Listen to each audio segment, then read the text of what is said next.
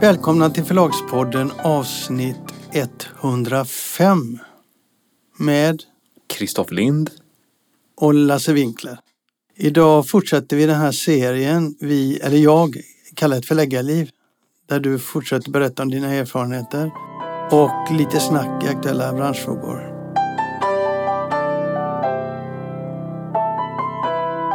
Men först ut är mitt samtal med Jonas Axelsson, förlagschef och förläggare på Politiken förlag, om en fråga som vi delvis berört tidigare i podden. En fråga som debatteras i de flesta länder i världen, det vill säga de som har en utvecklad bransch, bokbransch. Inte minst i Storbritannien, där jag läste att nyligen så diskuterar man den frågan i överhuset som har tillsatt en parlamentarisk grupp som tittar på frågan om yttrandefrihetens ställning idag. En fråga som de menar är ett kritiskt balansläge. Och de har kallat till sig förläggare och agenter som fått redogöra för sina erfarenheter. Frågan om vilka böcker man kan ge ut idag och hur, hur de tas emot. Och det här är en fråga som är särskilt aktuell för Jonas Axelsson och politiken som nyligen gav ut en bok som gett starka reaktioner i media och sociala medier. Nämligen Kajsa Ekes Ekmans bok Om könets existens. Inspelningen med Jonas Axelsson är gjord via Teams och det påverkar ljudet lite grann men vi tror, eller jag tror, att det ändå fungerar.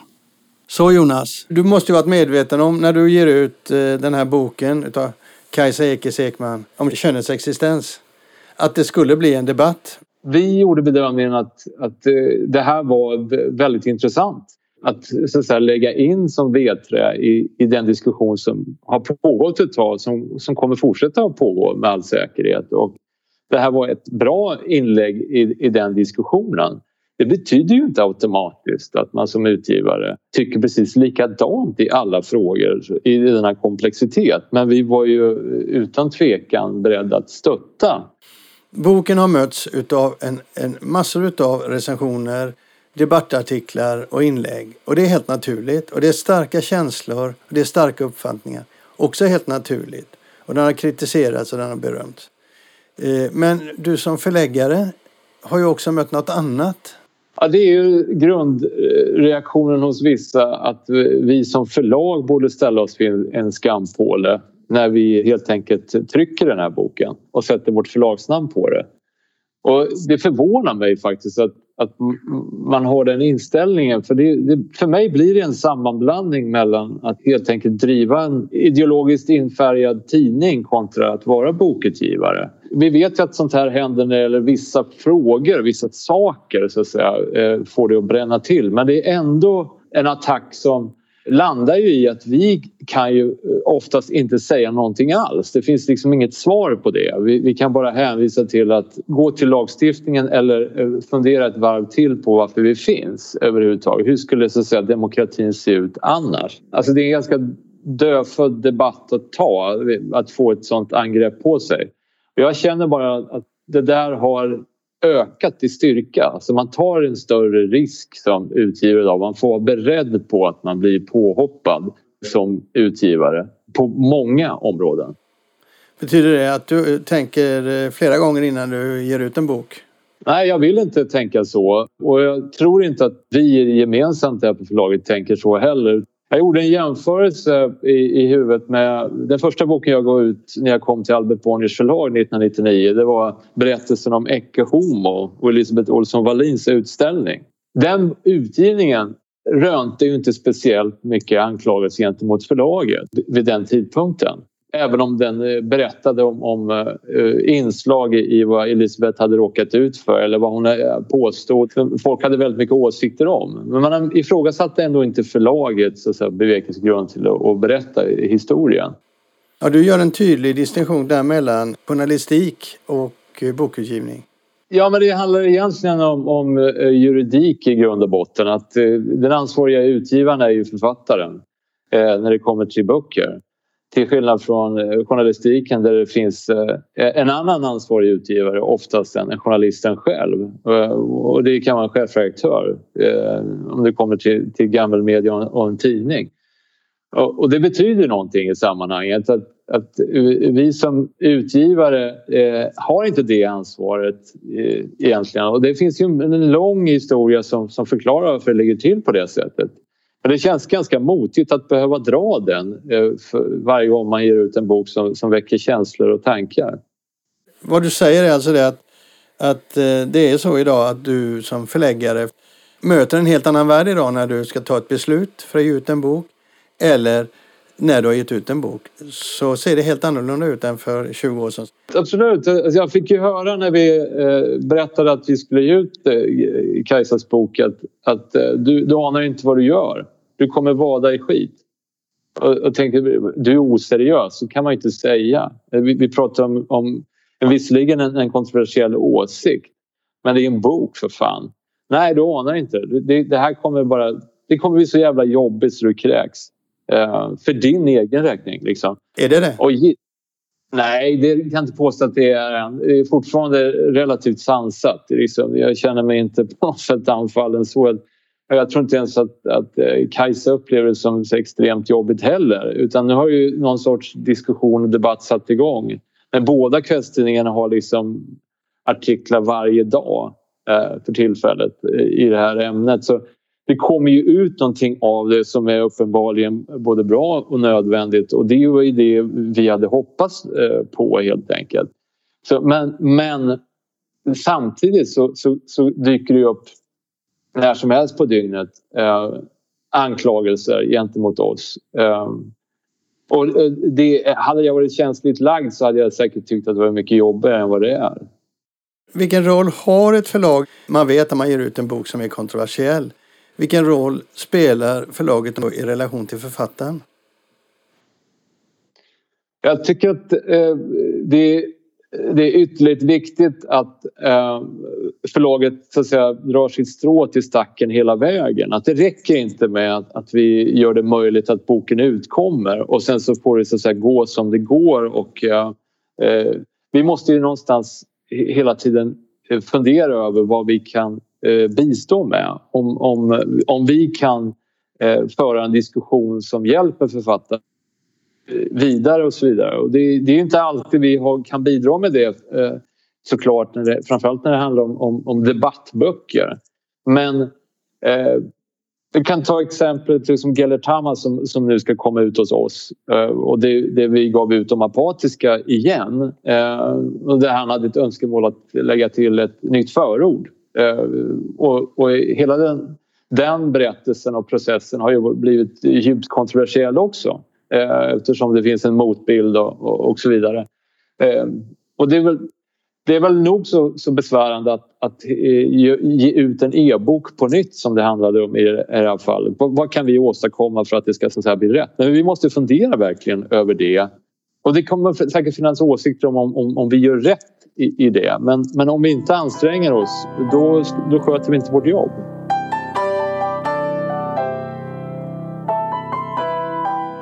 En fråga som har kommit upp på tapeten nu i samband med att det här med klimatfrågan blir allt aktuellare och allt mer konkret är ju frågan om returer i bokbranschen.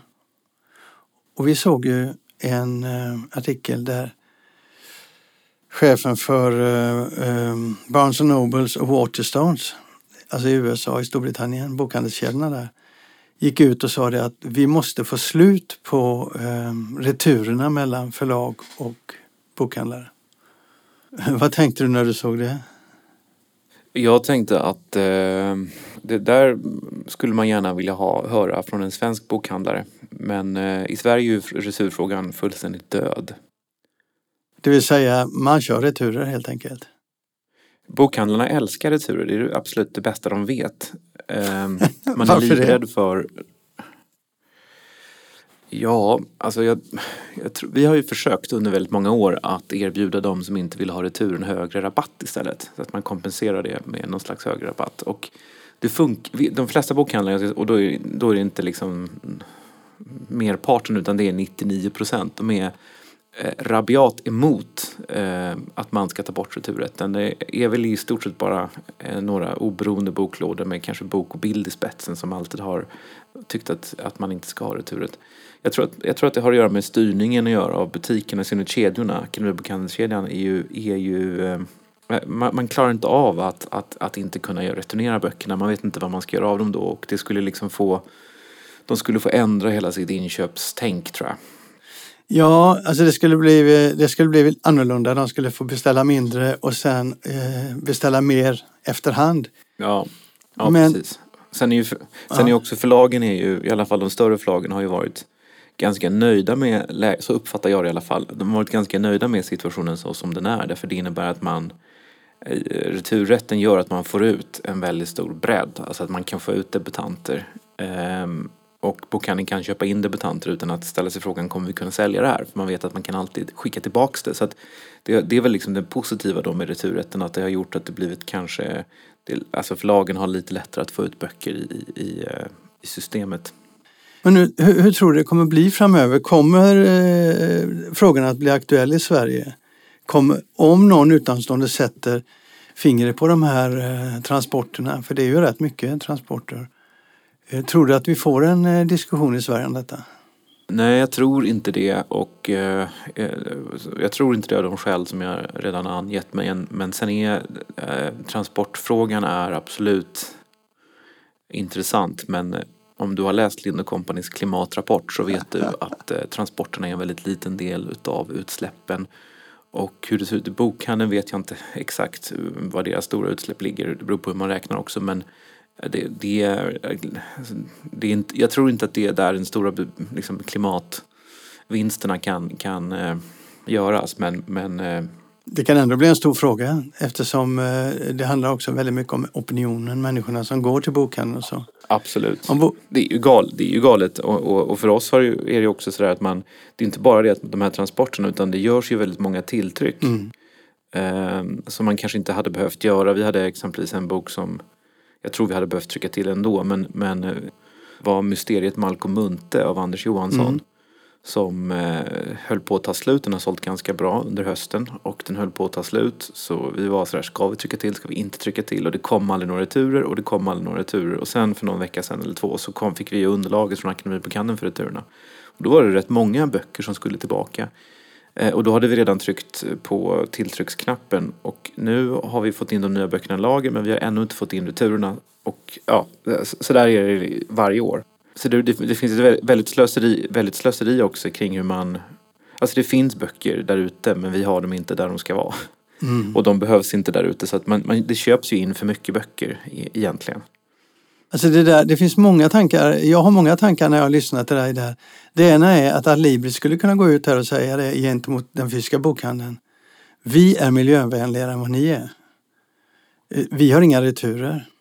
Men om man nu skulle lägga av returer i bokhandeln och ändå försöka ha en relativ bredd, då skulle man få ha ett, ett datasystem som fungerade så att du som förläggare hela tiden vet vad som ligger ute i vilken butik och kan, kan föra en dialog med butikerna. att Vi skulle vilja att ni tog in ett par till eller ni kanske inte ska ta så många. Man skulle kunna reducera väldigt mycket av returerna om man hade ett bättre system med kommunikation mellan förlag och bokhandel. Ja, eh, nu tror jag i och för sig att vi har redan ett liknande sådant system. Genom bokdata så kan vi i alla fall i teorin se hur mycket böcker som ligger ute i butikerna. Men eh, det stämmer inte alltid riktigt exakt och det är ju omöjligt att kommunicera med enskilda butiker. Däremot har ju butikerna själva ganska bra påfyllningssystem idag som jag tror funkar. Men det bygger ju väldigt mycket på att butikerna själva ser oj den här boken håller på att sälja, eh, vi måste köpa mer och den kompetensen finns kanske inte alltid och det är där som oberoende boklådor som, som Bok och Bild kan vara oslagbart duktiga för de har en väldig känsla för det där. Det ställer mycket större krav på, på eh, butikspersonalen.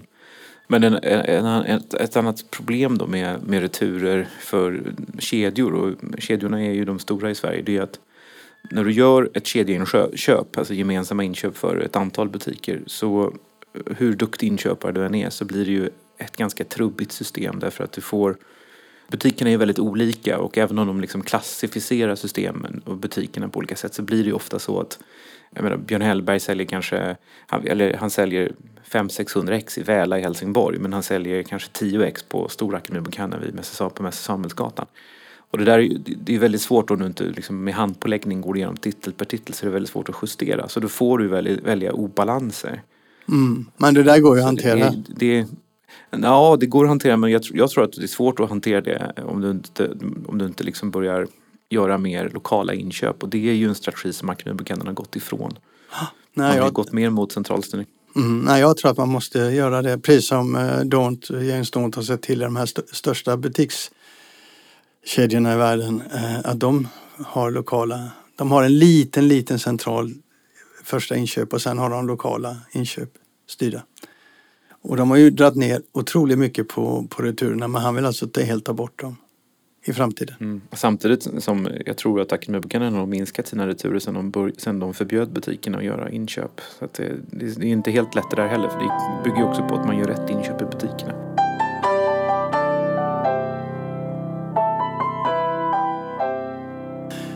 En sak som roade mig i alla fall helt nyligen eh, läste jag på Svensk Bokhandel att Postnord har inlett ett pilotprojekt för att öka hastigheten på sina e-handelsleveranser. Och partner i första testet är då Amazon. Och jag skrattade när jag såg den. Så tänkte jag, ja, man kan alltså lansera en situation så man kommer ut väldigt vackert. Men jag tror att det är något helt annat som ligger bakom det här. Jag tror att Amazon har talat om för Postnord att vill ni behålla våra transporter så får ni skärpa er. Tittar man på vad de gör Mm, internationellt så är det så. Och det är klart att Postnord kan inte säga det att vi, har, vi får underbetyg av Amazon så vi måste skärpa oss. För den som har haft Postnord som leverantör hem, med paket Nej, vad, hem vad hos var det de sa? De, de sa att de skulle gå ut med ett nytt, eh, ett nytt projekt och att Amazon var deras pilotkund. Var det inte så de sa? Jo, det sa de. Och det är i, i Stockholm. Och de ska kunna leverera dagen därpå senast då. Och det är klart, ser man på att Amazon, de har ju faktiskt haft rätt tråkiga leveranstider. Och Postnord är ju liksom idag i min värld i alla fall ökänt för att vara rätt dåliga på, på leveranser. Som har skärpt sig lite på sista tiden. Men de är inte bäst i klassen på något sätt. Så här är det i min värld Amazon som sagt till Postnord skärper eller så blir ni av med, med affären. Men post, det kan ju inte Postnord gå ut och säga så de ljuger lite. Jag är lite smågrin över det egentligen att de håller på så. Säg som det är. Det blir i alla fall intressant att se om, om, om Postnord får behålla affären. Mm. Men det där får man ändå tänka på att, att nu är det väl ett tag som Amazon har varit i Sverige. Och jag måste säga att min erfarenhet, praktiska erfarenhet, är rätt eh, att det har blivit mycket sämre.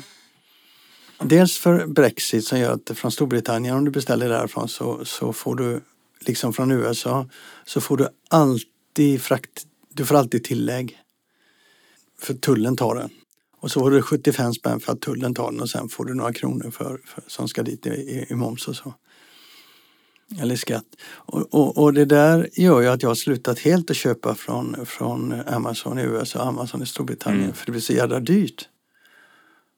Och sen så märk, har jag då köpt ifrån Tyskland som är inom, inom EU. Men om jag köper någonting, det behöver inte vara böcker, så, som är tredjeparts logistik, alltså de, de har ju det, Amazon, de tar ju från en tredjepart. Ligger den tredjeparten då i USA eller utanför EU så är det inte så att Amazon tar in den till sig och sen skickar till mig utan de skickar den direkt till mig varpå jag får massa tillägg på 100-150 spänn. Och därför jag slutar handla de sakerna också på Amazon. Så för mig är Amazon har det blivit ett nedköp senaste året. Mm. Du, du har också märkt det med Brexit?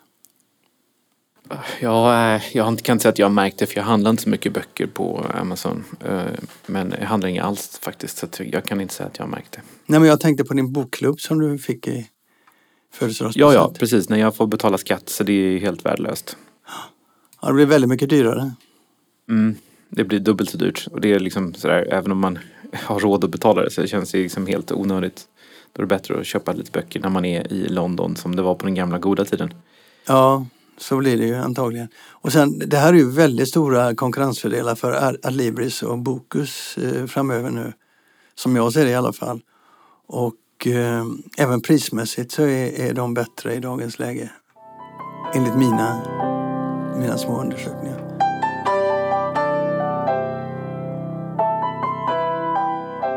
Första avsnittet av eh, historien om ditt förläggarliv så slutade vi på en cliffhanger. Där du sa att du hade fått en inre... Hur var det du uttryckte det? En inre detektor mot problem, mot människor som blir problem. Som författare. Ja, författare som blir problem. Och det ska du berätta nu. Alltså jag pratade, du frågade mig vad jag, vad jag hade gjort för misstag och sånt och då så sa jag att eftersom jag ändå har landat med fötterna på, på jorden så kan jag kosta på mig att säga att många av misstagen var nödvändiga för man lärde sig någonting. Så är det ju. Även det här med att ha ont om pengar är ju en väldigt bra erfarenhet även om kronisk, kronisk dålig ekonomi på sikt är inte något man ska romantisera. Men på samma sätt så förhåller det sig med, med, med misstag och ett av de där misstagen jag gjorde var exempelvis att ge ut Anette Kullenberg. Men eh, i efterhand så hon var ju så extrem men eh, jag lärde mig av henne att man ska verkligen försöka undvika författare som kan leda till bekymmer. Alltså det är inte värt det. Just det där som vi talade om som Per Gedin sa när han refuserade Lars Norén. Mm. Att eh, nattsömnen är också någonting man måste tänka på. Att, att man, eh, ibland ska man välja den osexiga men trevliga författaren. Mm. Där, kan vi återgå. Det, det finns mycket att säga men du ska nu förklara vad det är för detektor du har, hur, hur den går igång. Vad är det du ser? Hur är, tänker du när du får det? Um, ja, alltså det kan ju vara olika saker så att säga. Men, men eh, författare som har allt för starkt ego. Som är um, författare som eh, innan du ens har fått läsa deras manus vill tala om marknadsföringsplanen eller, eller liksom PR-arbetet också folk som är otrevliga eller som är uppfordrande, eh, krävande, alltså initialt. Det, det, är ganska lätt att säga, måste jag hävda efter så pass många år. Att du, du, kan se att det här är en person som, som, som, som kommer bli ganska besvärlig. Det där är intressant. Eh, det är, normalt sett är det här... Jag, kan, jag har nog blivit lite överkänslig mot det här ska jag också lägga till. Ja, det tror jag att du är. Det finns andra förlag. Bonniers har ju samlat på sig krångliga författare. Ja, fast det måste Bonnier göra därför att eh, om du jobbar med om du har en utpräglad litterär profil, vilket Lind Company inte har och inte ska ha, då måste du eh, ha en helt annan tolerans för det här. Men eh, det är roligt att jobba med författare som är, ja, som, som man, där det liksom finns någon slags ömsesidighet. Mm. Och det är trevligt att jobba med författare som är trevliga. Nu har vi tappat tråden lite, men det ja. där var en erfarenhet du hade i alla fall. Ja. Nu ska vi gå tillbaka till 2005 och fortsätta det här med din utgivning. Ja, ja, hur den Eller hur? Men bara för att du då ger ut David Hepworth bakom kulisserna Nöjesvärldens hemliga historia. Då är det nämligen så att David Hepworth är i min värld en av de bästa journalisterna jag någonsin har stött. Jag har inte träffat honom, men jag har läst och följt. Mm, kul. Han gav ut uh, magasinet Word som är den bästa musiktidning jag någonsin har läst. Ja, roligt. Ja, det var en rätt bra bok, alltså en rätt bra text men den sålde ingenting. Nej, men han, han, han, han lever ju fortfarande som en extremt duktig journalist. Och här någonstans börjar också den erotiska utgivningen. Mm. Hur kom du på den? Jag tror att jag tror att det från början inte var en idé att vi, jag tror att vi gav ut, vi gav ut, du, du kommer, ihåg, du kommer inte ihåg, eller det kanske du gör, Kärlek 1, 2, 3, 4, 5. Oh ja, oh ja. ja. Eh, för de som, lyssnarna som inte var med på den tiden så kan vi berätta att det var alltså Bengt Anderberg som var redaktör för dem tror jag. Eh, författare från Göteborg. Ja, och eh, han var redaktör för en antologi som hette Kärlek. Som kom ut på ett förlag i Malmö som hette, de jobbade med såna här prenumerationsböcker sen. Bra böcker?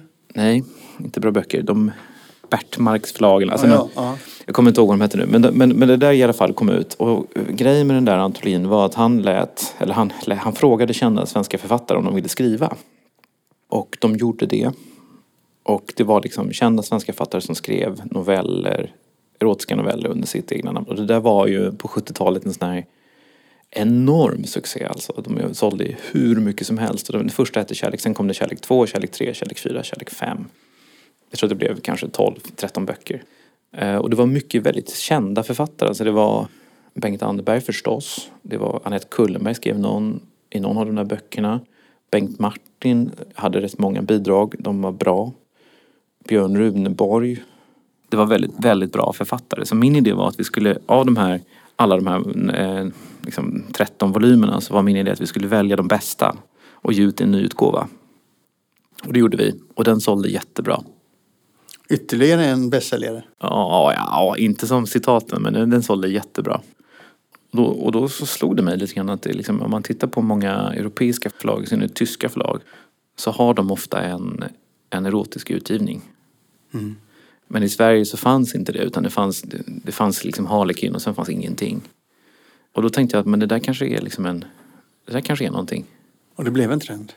Jag vet inte om det blev en trend men eh, jag gjorde ett försök i alla fall och sen så vi startade upp en utgivning som var liksom erotik så här, men den, den la vi ju sen ner. Ja.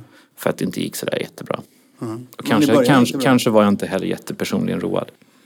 Jag, eller jag var road av att vi hade den utgivningen. Mm. kanske, kanske inte var så jätteroad av, av böckerna. Vi gjorde en del, eh, inte bara skönlitteratur, en del fackböcker också.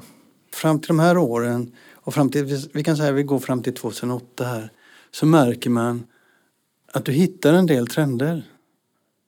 Jag tänker på citatböckerna, jag tänker på erotikan och jag tänker på sudokun som också kommer. Mm. Där blir du också väldigt stor, den hoppade på väldigt tidigt. Där är Mattias Boström inne också. Ja, han, han är Mr Sudoku. Mm. Jag, jag kommer ihåg jag eh, satt på en, eh, med Mattias på en restaurang och så kommer, och vi, vi hade firat nämligen att han hade sålt eh, så otroligt många böcker det året, sudokuböcker. Eh, och så kommer författaren och psykologen Per Naroskin in och så säger jag, hej Per, får jag presentera eh, Mattias? Han är Sveriges mest sålda författare förra året, han har sålt över 300 000 ex. Och han blir helt till sig och frågar sig vem är det här och liksom vad sa att han hette? Och Mattias Boström, har aldrig hört namnet. Vad, vad skriver han för böcker? Och då sa du det. Så jag Sudoku, då föll han ihop som en soufflé. Hur kunde du bygga upp det här från ingenting till att bli så här stort? Det tog väldigt lång tid. Ja, men de flesta har inte klarat det. Det är väldigt mycket, en väldigt stark Mm. utveckling. Då undrar jag, i vilken, vilken betydelse har det här att du hela tiden har letat efter sådana här trender och varit nyfiken och gå utanför den?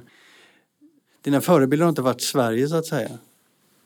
Ja, jag vet inte. Jag tror du, du romantiserade mig och min förmåga att hitta trender. Nej, jag har nog varit... Jag, är nog, jag, skulle nog säga att jag är ganska dålig på att hitta trender. Det finns andra svenska förläggare som är bättre på det. Ehm, däremot så har jag varit bra på att försöka liksom... Ja, men det här kanske vi ska testa. Det här kanske är någonting. Det här ska vi kanske... Ja, det finns ju många saker som jag har gjort som har floppat också. Mm. Nu tar du upp det som har gått bra. Men sen tror jag också att jag har varit duktig på att vara så som man måste vara om man ska liksom mm, ha ett förlag som är kommersiellt. Du måste ha någon slags öra mot rälsen om en bok. Om du ger ut en bok om något som går bra, men ge ut en till och sen en till och sen en till. Sen kanske jag gjorde lite för många citatböcker. Men eh, ofta är det ju så att ger du ut en citatbok och den går bra, då kan du ge ut en till och sen kan du ut 25 till. Mm.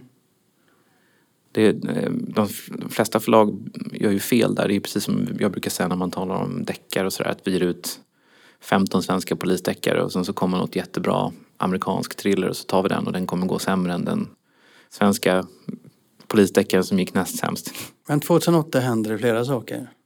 Du börjar bli bredare och du, blir också, du har ju alltid varit spretig i din utgivning och det ser man här också. Där har du till exempel en diktsamling av eh, Anna Akhmatova. Ashmatova. Ja. Och så har du Champagneflickan, en svensk strippas memoarer. Ja, det är lite spännvidd där kanske. En aning. Hur tänkte du där när du eh, gör en sån lista? Nej, det var väl inte så att jag tänkte att jag gjorde en sån lista. Det var eh, Ashmatova, det var ju Barbara Lönnqvist som eh, Som är professor i, ryska litteraturen och i Åbo. ja, hon är emeritus numera men, men hon var det då. Ja. Och en fantastisk översättare från ryska. Eh, men hon har också översatt eh, exempelvis Danilo Kish. Mm. Som, som, eh, Det var då du lärde känna henne? ja, hon, precis, den kom ut i 1900-serien. Och det är också hon som sen... sen Tidiga sorger, tidiga sorger heter den. Danilo Kish är också en sån fantastisk författare som är bortglömd och som jag är övertygad om hade fått Nobelpriset om han inte hade dött. Mång- kan gälla många. Ja, det kan gälla många verkligen. Men- Calvino, men- är, Calvino är ju också en sån. Ja, och sen så översatte hon också, på, det har vi pratat om tidigare, översatte på eget bevåg och ringde där och sa jag har en nyöversättning av Tolstoj här. Ja, nej, det var nog inte så att hon översatte det 1718 sidor och sen ringde mig. Utan hon, hon sa nog, jag ska översätta det här och vill du ge ut det? Absolut, sa jag. Men berätta lite, hur får du tag i sådana personer? Eh, Eftersom de spelar en viss roll för dig fra- eh, genom förlagets historia. Ja, jag typen av tror, jag tror faktiskt att hon, hon, eh, hon, eh, Författarförbundet har ju såna här hus på Rundmarö. Och där brukade alltid Leif Eriksson eh, vara på somrarna förr i tiden. Och jag tror att eh, hon var där också en sommar och så, så berättade hon att hon hade den här översättningen av Tidiga sorger som inte hade blivit publicerad. Till Leif? Eh, hon, precis, hon berättade för Leif. Så det var, det var på det sättet som vi fick kontakt med henne. Vi ska återkomma till Leif sen för han har en viktig roll i det här förlagsutveckling. Ja. Men, men eh, 2008 så ger du också ut Hjalmar Söderberg. Mm. Och det där... Var det, var det 2008 första boken. Först, oh, herregud vad det har tagit tid. Du, det var den boken, det, det var den utgivningen som fick Bonniers att fatta, vem är Kristoffer Lind? Och de var väldigt irriterade. Ja, jag tror att de är ganska glada att de inte drog sig in i det där. Varför det? Nej men det har blivit lite av en kvarnsten. Vi har ju efter 12 år så är vi på, har vi fortfarande fem volymer kvar. Eller vad det är, åtta kanske. Men då är det så att du sluter ett avtal med eh, Hjalmar Söderberg, sällskapet? Ja, eh, det var väl snarare ett avtal med Bure Holmbäck kanske. Som är? Vad? Alltså, Bure Holmbäck han var ordförande i Hjalmar Söderberg-sällskapet och eh, han hade doktorerat på eh, Hjalmar Söderberg. Han har också skrivit mm, en jättestor biografi om Hjalmar Söderberg, skrivit många böcker om Hjalmar Söderberg. Han var liksom den stora Söderbergkännaren. Och tanken, min tanke när jag kontaktade honom eh, det var ju att vi skulle göra liksom en populärvetenskaplig utgivning av Söderbergs samlade verk. Men ambitionsnivån höjdes ju enormt och eh, det blev en enormt tungrodd historia och vi fortsätter med den här utgivningen men i år kom ju, eller i, ja, i, i höstas kom ju preludier och dikter. Mm. Vilken min du gör nu, det ser inte lyssnarna. ja. Vad betyder den? Vad sa du? Vad betyder den? Minen? Ja. Nej men det... Jösses, jag vet inte. Det känns som att det är en livstidsansvar jag har för den här utgivningen. Ja, men det blev inte riktigt som jag hade tänkt. Nej. Men det är fantastiska böcker och eh, Hjalmar Söderberg är ju min stora svenska favoritförfattare. En sån där författare som man alltid kan återkomma till. Det blev också en Söderberg citatbok. Det blev det? Mm. Som hette? Jag tror den hette Jag tror på, på köttets lustar och själens olidliga ensamhet. Nej, nej, nej, jag citerar fel. Jag tror på köttets lustar och själens odödliga ensamhet. Det är ett citat ur Dr. Glas. Det finns ju många kända Söderberg-citat. Men du, det här året så kommer också din första deckare. Fyra stycken för att vara noggrann. Var det så många? Ja. Björn Hellberg. Just det. Och vad, eftersom du nu har gett ut i stort sett allt av Björn Hellberg så... Nej, han hade ju redan då givit ut 48 böcker. Wow! Nej, jag vet inte om det var så Nej, många. det var det inte. Han har ju givit ut hur mycket böcker som helst. Ja, och du har gett ut så, hur många böcker som helst av honom. Ja, Sen dess har jag gett ut minst en om året. Och när var det här sa du? Det här var 2008, fyra stycken och sen tror jag det var lika många 2009 eller om det var tre då. Varför blev Björn Hellberg, varför tog du till dig Björn Hellberg? Nej men det var inte min idé utan det var ju eh, Bengt Nordins idé som var Björn Hellbergs eh, Agent. agent. Och eh, Björn Hellberg hade tidigare kommit ut på ord, ord, ordalaget, ordupplaget. Var det så? Sig, ja, han kom ut hos Sigge Sigfridssons förlag. Ja, just det. Och eh, Sigge, han, eh, jag minns inte om han höll kanske på att lägga ner, jag tror han höll på att avveckla förlaget och sådär och han tyckte att Björn kunde skriva en bok varannat år istället för varje år och så. Så att det var, han behövde liksom byta förlag. Och då kontaktade Bengt Nordin mig, vi hade ju haft lite kontakt tidigare. Jag tror bland annat att det var den första bok som jag vet inte om den kom senare, Magdalena Grafs självbiografi. Men eh, hur som helst, Bengt hade jag köpt några böcker av. Bengt Nordin var en intressant agent på det sättet att han jobbade på ett sätt som ingen svensk agent jobbar nu. Det vill säga han såg betydelsen av att inte bara sälja böcker till högstbjudande utan också bygga förlag. Bygga författarskap. Ja, bygga författarskap men också bygga förlag, alltså, alltså bygga relationer till flera förlag. Mm. Idag så handlar det bara om pengar och vissa agenturer säljer bara böcker till Bonnier förlag. Men Bengt såg en poäng i att kunna ibland erbjuda en bok till Lind Company, ibland, oftast till Bonnier, Norstedts och bla bla, men även kunna ha andra som han liksom kunde sälja till. Men för att kunna göra det måste man ibland ge någonting också. Visste han då din inställning till deckare? Eh, alltså att jag inte läste så mycket deckare, nej det visste han nog inte. Nej, det var inte bara det att du inte läste mycket deckare. Vad hade du för inställning till deckare när du startade ditt förlag? Nej, men jag eh, hade ingen, eh, jag hade nog inte läst någon. Du hade en väldigt bestämd uppfattning. Nej, absolut inte. Jag, jag bara visste inte vad liksom, jag kunde inte riktigt bedöma deckare. Eh, det var ingen och ingen... Eh, jag visste inte, alltså jag, jag, jag hade inte läst så mycket deckare. Eller någon alls kanske. Jag tror det var mer. Jag tror det var, fanns det inget lit, nu, nu fiska. Fanns det något förakt mot deckare i början när du startade förlaget? Inte som jag kan komma på men, men jag, jag hade liksom inte... Jag hade inte läst det. Nej.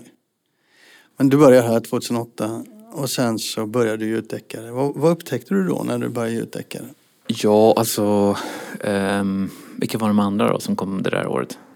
Nej, det året var det bara han, men sen så kom ju Tove Alsterdal och flera året efter. Mm. Vad vi inte, ja, jag kan säga så här, vad vi inte har tagit upp i den här, det här samtalet nu det är ju hur du får dina titlar. För många gånger så är det andra människor som ligger bakom och kommer med idéer till dig, tips. Och som vi pratat om lite, Leif här får massa idéer och, och är ju rätt viktig i förlagets uppbyggnad, är han inte det? Jo, absolut. Och han, han, eh, eh, han kom ju med i förlaget väldigt tidigt. Alltså redan typ efter första boken så, så var Leif med först som frilansare eh, och, och lite bollplank och sen som delägare. Och Leif var ju också, eh, han var ju själv författare och hade skrivit ett antal romaner och en diktsamling och han eh, var ju också en person som eh, absolut betydde mycket. Leif var ju också, fast intressant nog, han var ju också, Karl Nordlander som skrev den här boken om Långnäsan. Det var ju också eh, Leifs redaktör. Som författare? Ja. Alltså, Det är en liten värld. Ja, det är en liten värld. Men jag fick ju kontakt med honom genom min syster så det, det var verkligen en coincidence. Men det har varit så... Det var, det var genom Karl, förlåt det här är in- ointressant för podden men för din, eh, det var ju genom Karl jag fick kontakt med Leif såklart. Mm. Så var det, okej. För jag behövde en redaktör och då sa han, men eh, kontakta Leif. Och Leif kommer att få rätt stort inflytande och betydelse för Lind Company under många år. Ja, det skulle jag säga. Hade du några förebilder eller föredömen under de här åren när du började bygga upp förlaget? Ja, absolut. Jag nämnde ju tidigare David Stansvik som någon slags idealiserad, stereotypisk bild av en förläggare. Den föll ju ganska snabbt, men han var ju ändå en, en på något sätt ändå en inspiratör. Eh, Kjell Pettersson på Atlantis, absolut. Sen eh, Per Gedin var också ett, en, tycker jag, varit en sån här person som jag beundrat. Han har liksom förnyat bokbranschen samtidigt som han har haft en genuin och äkta kärlek till litteratur. Det här är personer du har pratat mycket med också, eller? Ja, alltså Per Gedin var ju sen också förlagets styrelseordförande. Honom lärde jag ju känna och känner jag ju fortfarande. Vi brukar ses och äta lunch fortfarande. Jag tror ju liksom att jag, jag, idoler är ju liksom någonting som det här kan också vara en, eh, en efterhandskonstruktion men, men eh, jag, liksom, jag har nog aldrig haft idoler på det sättet utan jag har haft människor som jag tyckt, som jag sett upp till och som jag har inspirerats av. Men att ha idoler det är liksom, det är någonting, det är någonting som är, man ska se upp med tror jag i största allmänhet för att det finns, man måste liksom plocka ihop sin egen palett av inspiratörer. Eh, Francis Bacon, filosofen, han talar om idols of the mind som någon slags gyckelbilder som är liksom falska. Eh, och så är det ju liksom att man, man kan inte göra som Kjell Pettersson eller som Per Man kan inspireras, man kan plocka men man måste göra det på sitt eget sätt. Och det gäller ju allt i livet, inte bara liksom förläggeri utan hur man... hur- Alltså, man, ska, man ska vara försiktig med att ha idoler tror jag, och förebilder.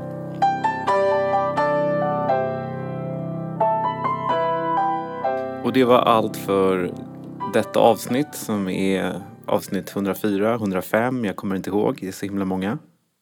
Ja, vad gör det? Det var i alla fall hej då för idag. Hej då för idag. Vi hörs.